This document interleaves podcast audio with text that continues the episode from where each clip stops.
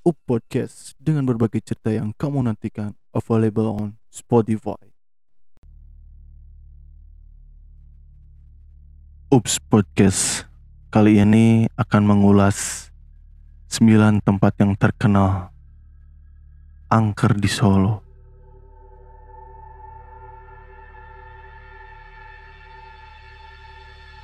Seperti Yogyakarta, Solo terkenal dengan keraton kesunanannya.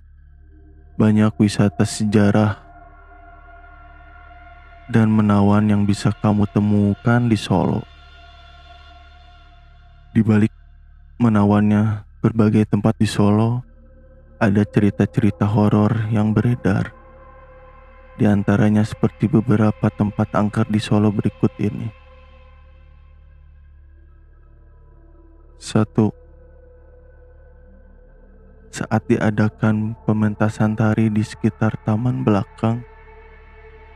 Eh, maksudnya taman Balai Kambang. Ada sosok penari mistis yang muncul. Pengunjung pun mengaku sering diganggu makhluk halus.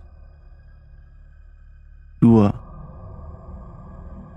sebelum diperbaiki di Omah Lowo sering terlihat bayangan hitam ada pula suara teriakan mistis dari dalam rumah, bikin merinding.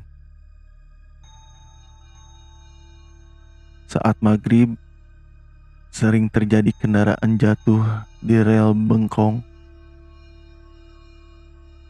tanpa sebab yang jelas. Biasanya terlihat sosok perempuan berambut panjang dan makhluk hitam berbulu.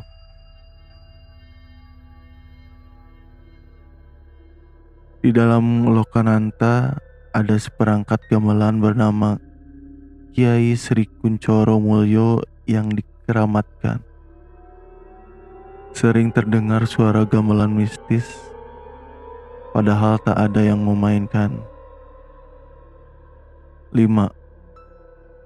Mes Arseto yang terletak di lapangan Kadipolo ini sebelumnya merupakan rumah sakit Beberapa kali terlihat sosok suster yang konon bunuh diri di lokasi. 6. Keraton Surakarta Hadiningrat memiliki supit orang yang merupakan tembok tinggi membentuk lorong. Banyak yang melihat sosok bayangan hitam yang terlihat saat malam hari. 7 saat berbagai naskah kuno akan digitalisasi di Museum Radia Pustaka. Lembarannya selalu tak teratur. Beberapa orang membantu saat membuka naskah. Tiba-tiba tertidur begitu saja. 8. Benteng Vastenburg kabarnya dijaga makhluk halus menyerupai perempuan Belanda yang memakai gaun putih. Biasanya ia terlihat sedang berdiri seolah menunggu orang datang. 9. Jembatan Juruk Lama berada di atas Sungai Bengawan Solo yang mengalir sepanjang Pulau Jawa. Seorang warga mengaku boncengan motornya terasa berat, padahal tak ada siapa pun. Nah, Itulah beberapa tempat yang dikenal angker di Solo dan bikin merinding. Meski demikian, tak perlu takut mengunjunginya.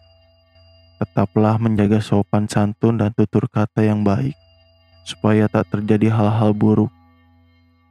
Kamu pernah mengalami kejadian-kejadian di atas juga.